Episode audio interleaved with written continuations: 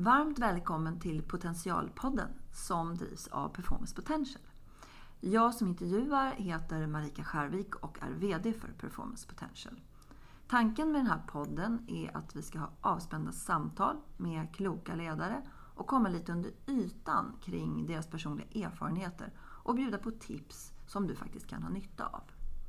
Eh, vad gör Performance Potential då? Jo, vi erbjuder ett digitalt verktyg som vi kallar för preferensanalys. Och där kan vi visa vad och hur man väljer att agera och närma sig en lösning. Vi kan faktiskt koppla de här olika tillvägagångssätten till specifika resultat beroende på vilka preferenser en person har. I den här podden så har vi valt att bjuda in ledare som kan ge lite nya tankar och inspiration. Och jag hoppas verkligen att du får med dig några värdefulla tips i vardagen.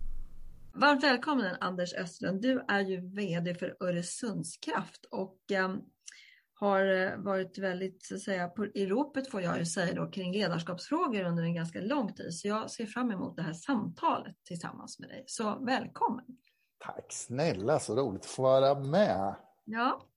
Kan inte du börja och berätta lite eh, vem du är och vad, vad Öresundskraft gör för de som kanske inte vet det? Ja, det ska jag gärna göra. Ja, som sagt, jag, jag heter Anders Östlund och jag är vd på Öresundskraft och jag är en östgöte på livslång exil till Skåne som det verkar. Och anledningen till det, det är för att jag har jobbat med energi i många, många år och älskar den här verksamheten. Och flyttade ner till Skåne för jag jobbade på Ion tidigare och numera då på Öresundskraft. Och Öresundskraft är ju ett energiföretag som är mitt uppe i en historisk transformation kan man säga. Precis som alla energibolag. Där vi går från det gamla storskaliga, nästan planmässiga beteendet till en helt ny värld som måste bli hållbar ur alla perspektiv och där energianvändningen är en jätteviktig nyckel för att det här ska kunna ske. Och eh, den transformationen är vi mitt uppe i just nu och det är helt fantastiskt spännande. Det är lite spännande också att du tänker att transformationer är spännande, för det är ju verkligen någonting som, som eh, ställer krav på ledarskapet, eller hur? I allra högsta ja. grad. Ja. Är, det något, är det något speciellt i, den, i, i det läget som du befinner dig där som du tänker att det här är, här har jag användning av mina Eh, ja, tidigare insikter och förmågor och reflektioner. Så är det något speciellt som du har med dig där i verktygslådan? Ja, ja, men både och. Det är klart man har med sig massor med erfarenhet som går att applicera på nästan andra, alla situationer. Men jag måste nog också säga att den resa vi är inne på och den passagen på den resan vi är inne i nu gör mig ödmjuk. Alltså. Förut var jag ganska säker på att våra åtgärder ledde till de målen vi satte upp så att säga. Och, och, och bevisligen så har det blivit bra i mångt och mycket. Den här transformationen som vi är inne i nu, den eh, är jag absolut inte kaxig inför. Möjligtvis lite kavat sådär. Mm. Eh, det kommer bli bra den här gången också säkert, men exakt vad man ska göra och hur man ska göra det är inte lika självklart. Det låter ju spännande också på ett sätt. Eller, eller o, otroligt. Mm. otroligt. Nej, men, nej, men jag känner mig nog utmanad som, som ledare på en helt annan nivå än vad jag har varit de senaste åren. Eh, sådär. Mm. Och det är jätte, jätteroligt. Mm. Och om vi då kopplar tillbaka lite till ditt ledarskap, så att säga. Vad, vad vill du att det ska representera? Vad är det du vill så att säga, förmedla med ditt ledarskap? Ja, men ledarskap tycker jag är otroligt viktigt. Och oavsett om det är eh, att leda dig själv eller leda andra så är det otroligt viktigt. Så ska man lyckas med omställning och, och som jag brukar beskriva det, transformation i vårt fall, alltså, så är mm. ledarskapet helt eh, centralt. Och i svåra omställningar, oavsett om de är av, av krisartade karaktärer eller om de bara är, är njutbara. Mm. Så tror jag att man behöver ha ledare som då kliver fram, har en tydlig vision, eh, kan ta ledarflaggan och som skapar förutsättningar för att man ska kunna lyckas. Mm. Mm. Och där tålas göra saker och ting lite annorlunda. Du var inne, du, du berörde, du pratade lite om att leda sig själv där. Jag tänker om jag hakar på den lite grann, så vad, hur, hur gör du det då bäst i sådana här situationer? Har du någon liten eh, Nej, process det, eller modell för det? Som ja, men det, det, ja. det, det är väl också så här som man, man tänker, oj, om jag hade kommit på att jag ska leda mig själv mycket, mycket tidigare så hade resan blivit ännu bättre. Så, där. så det är ju verkligen mm. något som är under ständig utveckling. Att skapa en tydlig struktur kopplat till sitt eget uppdrag eh, är för mm. mig otroligt viktigt. Alltså att tänka igenom vad är det jag vill åstadkomma eh, de, det närmsta året, det närmsta eh, halvåret, det närmsta kvartalet och ner på eh, ja, den kommande veckan. Och försöka vara ganska eh, uthållig i att jobba på det sättet. Och då tänker jag både vad är det för kultur jag vill vara med och skapa? Vad är det för eh, förutsättningar jag vill hjälpa till att få på plats? Och mm. vilka förmågor är det jag, jag själv måste se till att vi kommer igång i en process för att, för att skaffa oss den förmågan. Mm. Vi pratar lite grann, du har kanske svarat på frågan, men jag tänker den största utmaning som du har varit med om, du, det låter som att du är mitt i den så att säga, men du vet ju inte exakt heller hur allting kommer att bli så att säga, men om du tänker på tidigare utmaningar som du varit med om, är det någon du, du kan plocka upp och säga att det där var, det där var knepigt och, och jag lärde mig de här sakerna, någonting som du skulle vilja förmedla till, till andra personer som kanske också hamnar i eller har hamnat i sådana situationer. Har du något exempel på någon sån utmaning som du eh, kan blicka ja, tillbaks på kanske? Ja, men det är, det är nog så lätt att man hamnar kopplat till stora, viktiga, nästan projekt sådär. Ja. Som i vårat fall så har vi gjort historiskt stora investeringar i nya produktionsanläggningar och så här, som är de största investeringarna som har hänt i Helsingborgs stad. Eh, och, och så här. Det är klart att det är stora utmaningar på det sättet. Så, så där. Och vi har haft kriser, eh, vi har hamnat i situationer där vi eh, har haft dotterbolag till exempel som har eh, verkligen hamnat snett och, och, och sådär. Men det kanske inte är de ändå som jag skulle lyfta fram, utan det är nog mer det fingerfärdiga ledarskapet kopplat till människor. Jag tror det är faktiskt där det börjar och slutar. Så, och, och, när jag tänker tillbaka på allt jag har gjort så finns det ju en eh, helt självklar reflektion, eh, men som torde återupprepas. Och det är att hitta rätt folk för uppdraget. Mm. Eh, det är, har man inte rätt folk och man vill göra svåra saker så gör det inte. Det, det är ganska meningslöst. Och, och, för ofta genom åren så kanske man har kompromissat med det. Ja. Vad tänker du att man har kompromissat då? Att man att man, eh, man har så att säga, en tidsperspektiv som gör att man måste liksom, snabba på och därför inte hinner grunda sig i det? Eller är det mer liksom att det är svårt att bedöma personer? Eller, eller vad tänker du, vad är, vad är själva utmaningen där? Ja, men själva, det, vanligtvis ska man göra svåra förändringar så det är inte en person utan det är ett team. Du måste bygga ett team som ja. du tror klarar det och som har förmågan att själv navigera i, i, i svåra farvatten. Eh, sådär.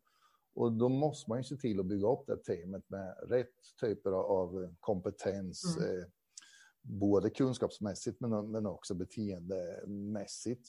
Och ganska ofta så hoppas man att det ska bli bra. Eh, sådär. Så man är inte tillräckligt noggrann i att bedöma potential och hur teamet ska eh, kunna fungera till, tillsammans. Och då blir angreppssättet inte tillräckligt robust och vid något tillfälle så kommer det skaka till eh, rejält. Så om det hade varit något jag skulle ha lärt mig mycket, mycket tidigare så hade det nog varit att vara extremt noggrann med att bygga rätt team för det uppdraget som ska göras. Eh, så det, det, är en sak som mm. är klar.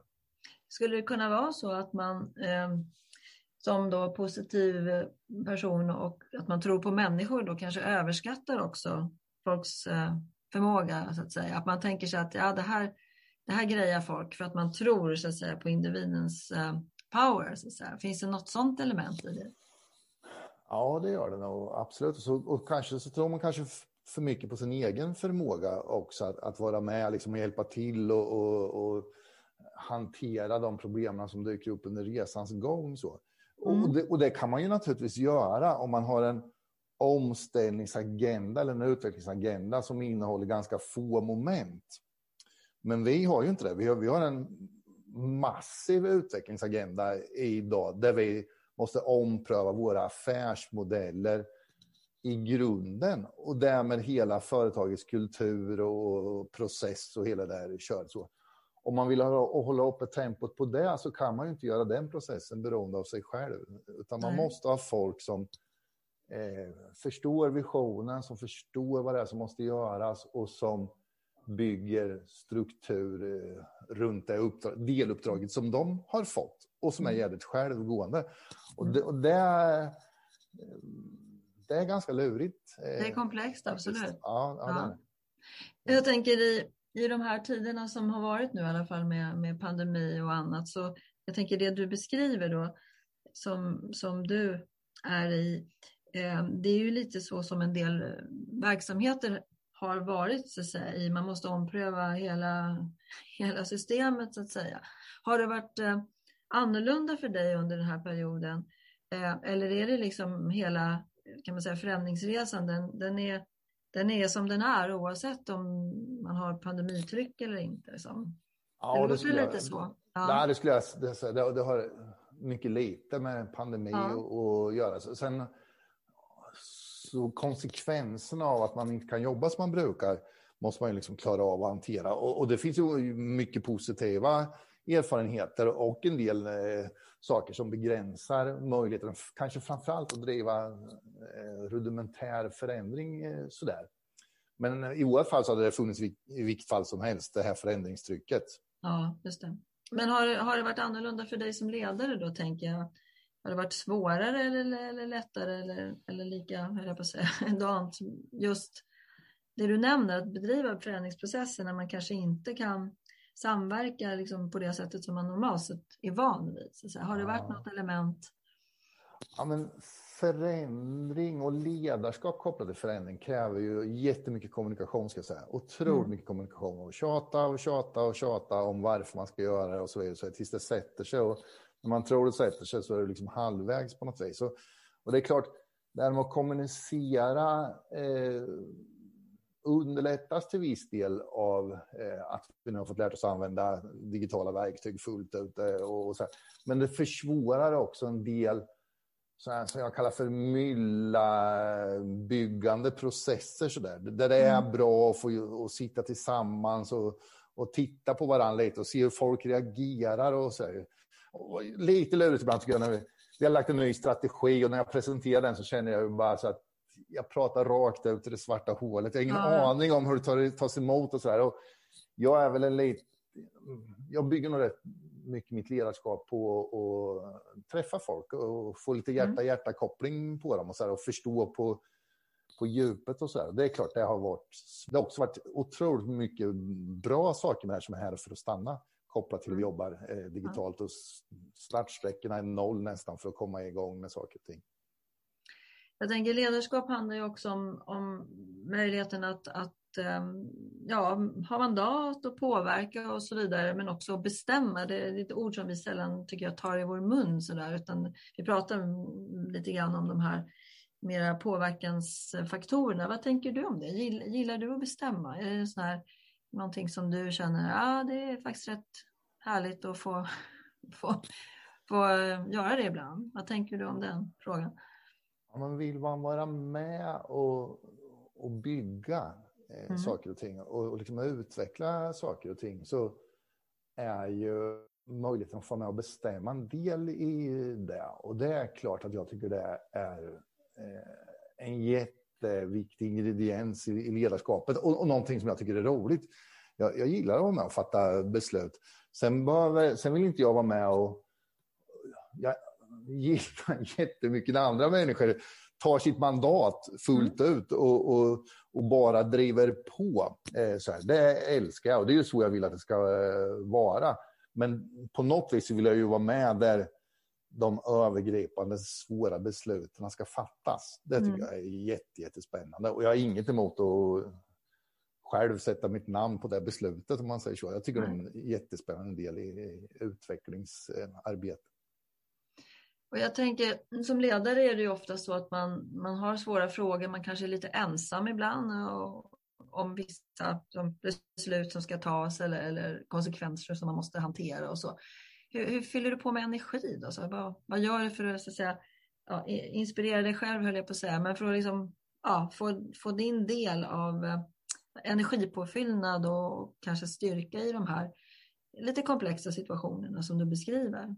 Har du något eh, tips på det? Ja, men jag försöker och Nej, jag är ingen bra på det kan jag säga. Så jag, jag, är, inte, Nej, absolut, jag är absolut ingen bra förebild kopplat till eh, ja, någon form av hållbar mm.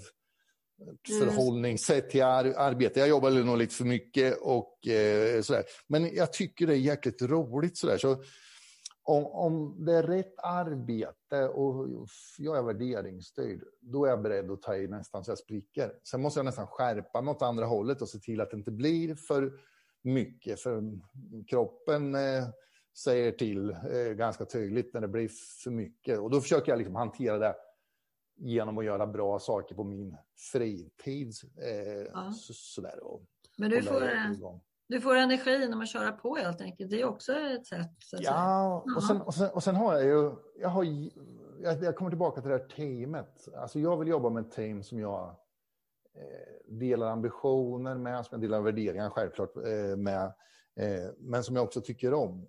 Jag, vill jobba mm. med folk som ger mig massor med energi. Och när det du vet när det där inträffar, det här, när man hamnar i den flowen. Så, det är en sån ja. underbar upplevelse. Ja. Så, så då är det inte svårt att hoppa ur sängen och gå till jobbet. Eh, sådär. Men sen visst, mellan varven är det extremt slitigt. Det är ju verkligen inte flow alla dagar i veckan, året runt. Eh, sådär. Så då får man ju liksom skärpa till sig och se till att man tar sina pauser. Och, det. Och Öresundskraft är ett företag. Vi har jobbat jättehårt länge med det här med hållbarhet och att vi, vi tar det verkligen på allvar. Hos oss mm. är det inte snack utan vi, vi jobbar hårt med, med det. Till exempel på måndagarna har vi ett långt ledningsgruppsmöte på eftermiddagarna och innan det så tränar vi tillsammans i mm. en timme. Eh, sådär. Vilket skapar både energi, prestationsförmåga men också samhörighet. Helt mm. fantastiskt. Och det är liksom en självklarhet på något ja. vis. Det låter ju, låter ju härligt tycker jag. Du var mm. inne lite på det här med värderingar och så. Jag tänker, vad, vad har du för egna värderingar som, som är din kompass kan man säga i, i det du gör? Har du några, har du några ord eller har du någon beskrivning sådär? Det här, det här, de här värderingarna är, är viktiga för Anders. Liksom. De, de, de håller du hårt i. Ja, men om jag skulle få ta mig in mot den frågan mm. och lite utifrån så, så tycker jag att ledarskap för mig är otroligt viktigt. Och jag, mina ledarförebilder kommer från idrotten. Och liksom, jag har inte varit någon stor idrottsman, men jag har ändå spelat fotboll på rimligt hög nivå. Så och det är där jag har sett de goda ledarna. Det är liksom ledare som jag hade gått i döden för. Eh, mm. Mm. Och vad var det de gjorde? Ja, men de, de såg teamet, men också individen i, i teamet. Och Aha. jobbade stenhårt för att eh, optimera teamets förmåga genom att jobba även jättemycket med individen. Och, och, och jätteduktiga på att få andra individer att göra rätt saker för att lyfta eh, sin kompis. Mm. Alltså det är en så jädra stor styrka. Och där är tror jag mina ledarskapsvärderingar kommer på något vis. Så att eh, laget är viktigare än jaget, men jaget är också otroligt viktigt för, för laget. Eh, sådär. Och, och för mig är det här med intresset om den enskilda personen helt avgörande. Det är kanske inte en värdering, utan det är nog snarare kanske mer... Förhållningssätt så, kanske? Ja, så, så, ja. Så, så, som jag är, är präglad. Sådär en, en annan värdering som jag vet inte om det heller är eh, en värdering kanske så, men för mig så måste det liksom vara öppet och ärligt. Så, mm. Eh, och, eh, inga dubbla agendor? Nej, inga dubbla. Det måste vara liksom öppet och ärligt och transparent och, och sådär. Och, ja, jag, jag vill vara i en miljö där man kan bli sitt bästa jag på något vis. Och, och jag vill att jag ska kunna få bli mitt bästa jag, men jag vill också att mina medlemmar i mitt team ser till att eh, de andra i teamet blir sitt bästa jag. Det tycker jag också är liksom, bra grundvärderingar i, i någon form av ledarskapsarbete. Är det, något, är det något speciellt beteende eller agerande som du känner att du blir så riktigt trött på eller, eller till och med kanske provocerad av i slutändan? Finns det någonting som du känner, nej, här, här går liksom inte kanske Anders topplock, men här går liksom gränsen för, för vad som är OK. Så finns det någon sån här trigger som du har hittat genom åren? Ja, men folk som inte tar ansvar. Eh, Ja. Och, och, och, som inte har någon som inte har någon idé om vad, vad de vill göra. Det, det, är, det har jag svårt för. Eh, det är en sak att det inte har blivit som man tänkt sig, men om man inte har någon tankegång om att man ska göra någonting åt det och kanske rent av inte visa någon form av förståelse för att man kanske har ett ansvar för att göra någonting åt det, då, då blir jag eh, sur. Jag tror folk snarare skulle säga sur är någonting annat. Men eh, eftersom jag är en ganska glad person ganska ofta tror jag, så när jag surar ihop så märks det rätt tydligt och då händer det någonting i, i, i rummet. Sådär. Ja, det är också ett, det är också ett ledarskap faktiskt, att, att kunna vara transparent. Det är det som du var, in, som du var inne på själv. Eller? Ja, ja. ja, verkligen. Um, jag tänker ibland så kanske man måste ägna sig åt självsuggestion, om man får använda det uttrycket som ledare. Alltså ibland måste man kanske intala sig själv saker och ting för att ja, kunna göra svåra saker. Har du någon sån där när du lurar dig själv då, om man ställer en sån fråga? När du känner så här, ja, mm, här försöker jag preppa mig på ett sätt som kanske inte riktigt, jag måste göra det ibland. Har du något sånt där? Eller så gör du aldrig det kanske? Ja, jobbet gör jag sällan det. Alltså lura mig själv så. För att, alltså, och det har nog också mycket med erfarenhet att, att göra. Är det skit så är det skit. så ja, på något ja. vis. Så. Och, och, då lurar inte jag mig själv. Däremot kan jag ju liksom bara konstatera att ah, men, det här är inte bra. Det här är bullshit. Det här är inte transparent. De här har inte riktigt koll på vad de ska göra. Så, så jag lurar mig inte med den insikten. Däremot kan jag liksom säga att ja, ja, men det är som det är. Det här är inte det viktigaste för mig just nu och, och engagera mig i och så släpper jag det. Så det, där har jag nog blivit mycket mer selektiv genom åren. Att, och det är väl mest för att skydda mig själv, tänker jag också, mellan varven. Att, ja. så Men eh, det är nog... Eh, om det är något jag lurar mig på så är det ju vad jag själv ska hinna med att göra. Det lurar jag mig alltid på. Det är oförbätterligt. ambitionen överstiger oftast prestationen brukar... brukar ja, verkligen. Ja. ja. men jag, jag, lever fortfarande som att dygnet har mer än 24 timmar och eh, jag är en obotlig tidsoptimist, mm. så det lurar jag mig alltid. Ja, ja, ibland får man ju göra det också, eller hur? Har du någon fundering eller tanke på alltså, de stora ledarskapsutmaningarna? Det är en dialog som jag har ganska mycket med våra eh, våra kunder och så att man tänker ja, vad, vad, kommer hända?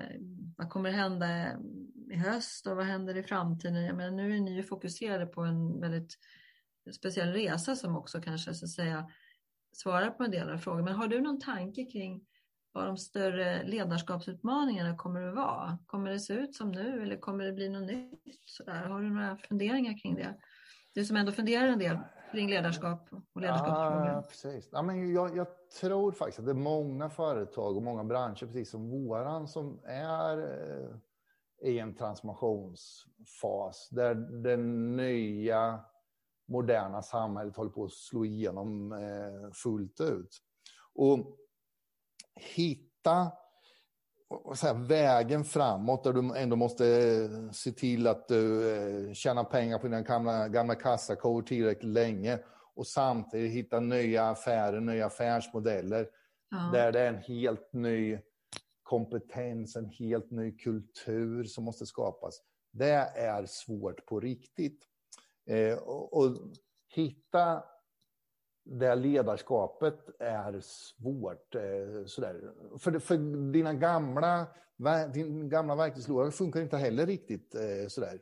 Och, och, som jag har sagt, där, det, det finns ju tillfällen jag ställer mig frågan, så här, men är jag slut nu? Finns det inga behov av eh, en medelålders man som heter Anders i, i den här världen längre? Så, men så inser jag att ja, men jag sitter på många saker som jag tror är viktiga eh, även nu. Trygghet, stabilitet, kreativitet, förmåga att se sanningen i vitögat, förmåga att navigera i, i komplicerade processer. Men jag måste komplettera med mig själv med folk som är mycket, mycket bättre än jag på digitalisering, på nya affärsmodeller, på eh, de nya medarbetarna och så vidare. Så vidare. Mm.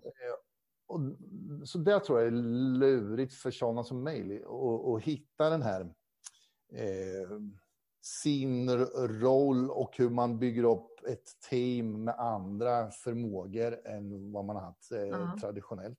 En annan tror jag ledarskapsutmaning det, det är liksom att hitta rätt metodik för hur man driver ett företag när man är i den här hybridvärlden mellan digitalt och fysiskt. Mm. Nu har vi liksom varit i den ena eller den andra. Först var det bara nästan fysiskt. Ja. Och sen var det nästan bara digitalt. Och nu blir det liksom digifysiskt på något vis. Ja. Hur driver man ett företag eh, framåt på bästa sätt? Utnyttjar båda mm. de två delarna på smartaste sätt. Är det, är det något verktyg då i din verktygslåda som du känner, den där måste jag byta ut? Du prat, nu pratar du mer om att komplettera, sig, men är det något verktyg som du känner, ah, den här har jag ingen användning av längre? Har du gjort någon sån reflektion eller kanske behöver alla verktyg i lådan ändå? Ja, ja. Alltså man omprövar ju hela tiden sin verktygslåda och sådär det måste jag säga. Men de vassaste verktygen som jag har i min verktygslåda, de är högaktuella även nu, skulle jag säga. Nästan, nästan ännu mer eh, än, mm. än någonsin tidigare. För det tycker jag ändå händer. Till syvende och sist så går det tillbaka till eh, grunderna. Tydlighet i vart vi ska med firman, tydliga uppdrag, eh, fast kanske på mer övergripande nivå tydligt angreppssätt på både hur man jobbar med run och hur man jobbar med development. Eh, mm. starka team med duktiga människor som förstår sitt uppdrag och som får rätt förutsättningar för att lösa det. Det är jätteofta liksom det hamnar tillbaka till det. Och det här när saker och ting blir mer agilt och, och och där inte rutorna liksom passar längre, så blir det ännu viktigare, skulle jag säga, att man eh, är tydlig i hantverket. Eh, och där har jag plenty of. Sen kommer det till, den, till, till det nya då med, med allt som blir datadrivet på, på något vis. Där det blir fakta som på ett helt annat sätt driver utvecklingen. Så Och det kommer ju revolutionera arbetssätt och ledarskap fullt ut. Vi är inte riktigt där än, men vi kommer dit. Och där behöver jag hjälp av duktiga människor som lär mig hur man jobbar med de frågorna.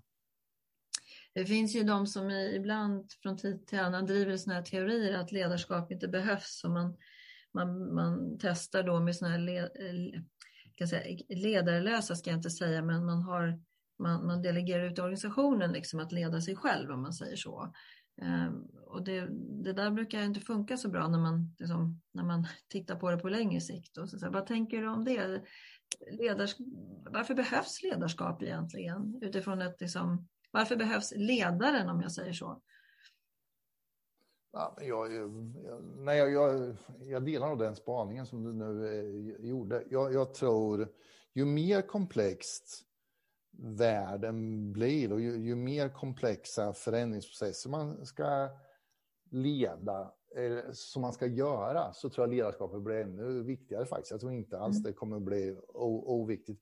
Sen kan du hitta enskilda uppdrag, arbetsuppgifter som passar sig helt perfekt för att driva utan det traditionella ledarskapet. Absolut. Så jag tror man, vi kommer behöva, vi kommer se olika typer av ledarskap, olika typer av strukturer beroende på vad det är för uppdrag som ska lösas. Mm. Men om ingen gör det uppdraget tydligt, då kommer det inte funka. Det tror inte jag. Eh, och det är en ledarskapsfråga. Om du skulle summera då, så att säga, de här klassikerna, tre tips till eh, de som lyssnar på oss sen, just när det gäller ledarskap, vad, vad, skulle, du, vad skulle du skicka med då? Vilka tre, tre tips är Anders, de, Anders tips för att um, hålla kanske, du pratade lite om hållbarhet, men hålla som ledare också över tid? Ja, men det, det satte jag som det fjärde i sånt fall. Ja, okay, liksom, håll, hållbarhet är ju oerhört centralt och det, det, måste ju liksom vara slut på att eh, vi sliter ut människor och oss själva i, i det Men det är så mycket som har med det att göra. Det är inte bara arbetsbelastning utan, utan det är också det lite gränslösa som jag tycker vi är på väg in i. Alltså, jag tror inte vi människor är, är där ännu. Och det är att ständigt vara uppkopplad och på, det är, det är inte hållbart. Så hållbarhet är en otroligt viktigt tips. Eh, man borde börja där med sin egen hållbarhetsplan. För inte den på plats så kommer det inte funka. Men, men sen, jag är tillbaka till i så fall tre ganska fundamentala saker. Ett, det är att skapa myllan. Ta ansvar för att du skapar en jordmån, en mylla där verksamhet och människor kan växa eh, mot det övergripande målet. Mm. Eh, så, mm. Eh, behöver det vara en mylla som kännetecknas av eh, samarbeten till exempel med, eh, inom bolaget och med kunder och så här, ja men då måste man skapa den eh, myllan. Om det är en mylla som måste kännetecknas av affärsmannaskap, vilket är otroligt viktigt i vår typ av verksamhet. Vi är inte affärsmän, vi har varit eh, infrastrukturbyggare. Och då måste man mm. bara skapa den myllan. Eh, så, så, så, så, att man är tydlig med sig själv. Vad är det för kultur som ska finnas i det här företaget och jobba intensivt med att sätta det. Det är ett viktigt eh, tips.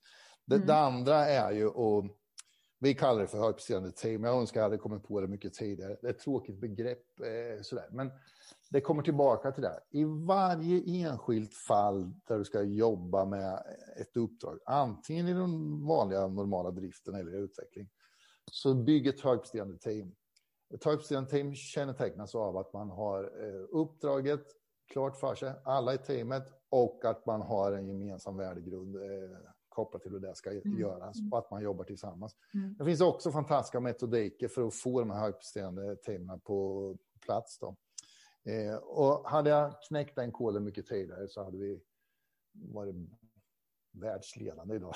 Nej, jag skojar lite. Men eh, så. Och, och, och, i det där också så, så kom ju teamet men också individen. Eh, sådär. Och det tredje självklara eh, rådet det är ju att välja rätt ledningsteam. Eh, har du inte rätt folk runt omkring dig så kommer det inte lyckas. Eh, eller kommer inte lyckas lika bra. Mm. Och alla människor eh, måste få sin chans eh, och, och bli, bli sitt bästa jag. Men om potentialen i teamet inte finns där, fixa det. Mm. Våga göra det helt enkelt. Ja, och gör, ja. Det, gör mm. det tidigt. Mm. Det, det, det, finns en annan så här reflektion som jag har gjort under alla år kopplat till ledarskap. Alltså, det är nog inte ovanligt att många går hem från jobbet och sätter sig vid middagsbordet och pratar om sin chef. Det, det är nog ganska vanligt. Eh, sådär. Och då gäller det ändå som chef och ledare att man liksom tänker, ja, men vad är det de ska prata om när de pratar om mig? Mm. Jag är faktiskt en betydelsefull person i mångas liv. Det är ett ganska stort ansvar, men det är också en helt fantastisk möjlighet man har. Eh, och det tror jag man ska ta sig en liten funderare på. Mm. Ja, men det, det, en, det, blir nästan ett, ett schysst citat om jag ska säga att eh, ledarna är en betydelsefull person i, i mångas liv. På, mm. Både på gott och ont. Eh, ja. beroende på vad man klarar av att och leverera ja. i den rollen. Och, och, och, kan du få en människa, en medarbetare, att få jobba ett högpresterande team vid, vid, många tillfällen och få bli sitt bästa jag, då vill man aldrig mer vara utan det. Det är nästan en mänsklig, mänsklig rättighet, men, men ganska ofta så lyckas man inte fixa till det faktiskt. Nej, så är det. Du Anders, vi har, tiden rinner iväg. Det är alltid så. När man, det går fort när man har, när man har eh, inspiration brukar jag säga. Mm. Eh, jag har en, en sista eh, liten fråga här. Om du, fick, om du fick leva om din karriär, skulle du ha gjort någonting annorlunda då? Eller känner du att ah, det här blev rätt bra ändå? Är det någonting som du har känt? Det är alltid så, efterklokheten är världens mest exakta vetenskap så att säga. Men, men är det någonting du känner att ah, det där skulle jag ha gjort annorlunda? Ja, jag hade nog tagit mer hjälp tidigt mm. i karriären. Han har gjort, jag hade nog sökt mer mentorskap och folk som kunde vägleda. Men jag, jag har liksom alltid haft den här känslan att jag ska fixa det, det här och, och, och utmaningsdriven mm. eh, sådär. Och, vilket ju ibland har gjort att man nästan har tagit kål på sig själv. Då. Men också Eh, kanske har gjort ett annat misstag som jag borde ha gjort annorlunda. Eh, sådär. Det, det är något jag skulle ändra på. Jag hade tagit mer hjälp av duktiga och kloka personer. Eh, framförallt kanske det där du vet man är på väg upp och ja, man, då ska man göra allt annat också. Man ska bygga familj och det ska byggas hus och det, det ena med det andra. Liksom. Det är så jäkla mycket där. Det hade jag behövt lite support med någon som hade kunnat ge mig lite handfast vägledning ibland och inte bara mm. lyssnat på vad jag har att säga utan faktiskt sagt mm, du Anders, du kanske skulle tänka så här nu. Mm. Eh, den där verksamhetsgrenen är död. Sluta med det. Mm. Det är kanske den rollen som du själv också har fått för att kanske ja. göra det för andra om jag tänker så. Eller hur? Ja, ja. Jo, jag, ja. jag gör det. Och, men sen är det mm. också en smal balansgång. Så här, för mm, samtidigt vill man att folk ska få eh, stort utrymme att testa själv och lära sig själv och, och, och sådär. Men jag har nog blivit mer och mer så att jag försöker att, att vara lite tydligare så att, ah, men vänta nu, det här, det här vet jag, det här är, den här vägen borde du gå. Ja. Då kanske jag säger det lite tydligare. Just det. Du, vi skulle kunna ha ett avsnitt två, tre och kanske fyra, fem, sex, sju också eh, kring det här. Så jag tänker så att vi kan väl ha kvar den lilla tanken och ehm, för man kan ju prata väldigt länge om de här frågorna. Jag tycker det har varit jätteintressant att prata med dig och jag tycker att du har lämnat en hel del väldigt kloka tankar som jag är övertygad om att andra ehm, kan ha stor nytta av och det är ju hela tanken här med, med vår podd. Eh, så tusen tack Anders för att du tog dig tid och ehm, gav med dig av din erfarenhet, tänker jag. Stort tack. Det är, det är jag som ska tacka. Ja. Tack snälla.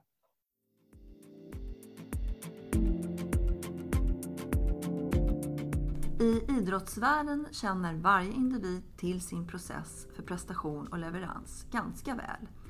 Men i näringsliv och organisationer är det ofta en otränad och kanske omedveten kunskap. Performance Potentials digitala verktyg, som vi kallar för preferensanalys, används just för att ta fram teams och organisationers sätt att leverera. Och sen matchar vi det med kundernas krav på agerande. Genom den här metoden får både individer och organisationer en möjlighet att nå sina mål och få bästa utfall av sina planer. Därför att man på förhand faktiskt kan förutse hur människor kommer att agera. Så hör gärna av dig så kan vi berätta mer om hur det går till.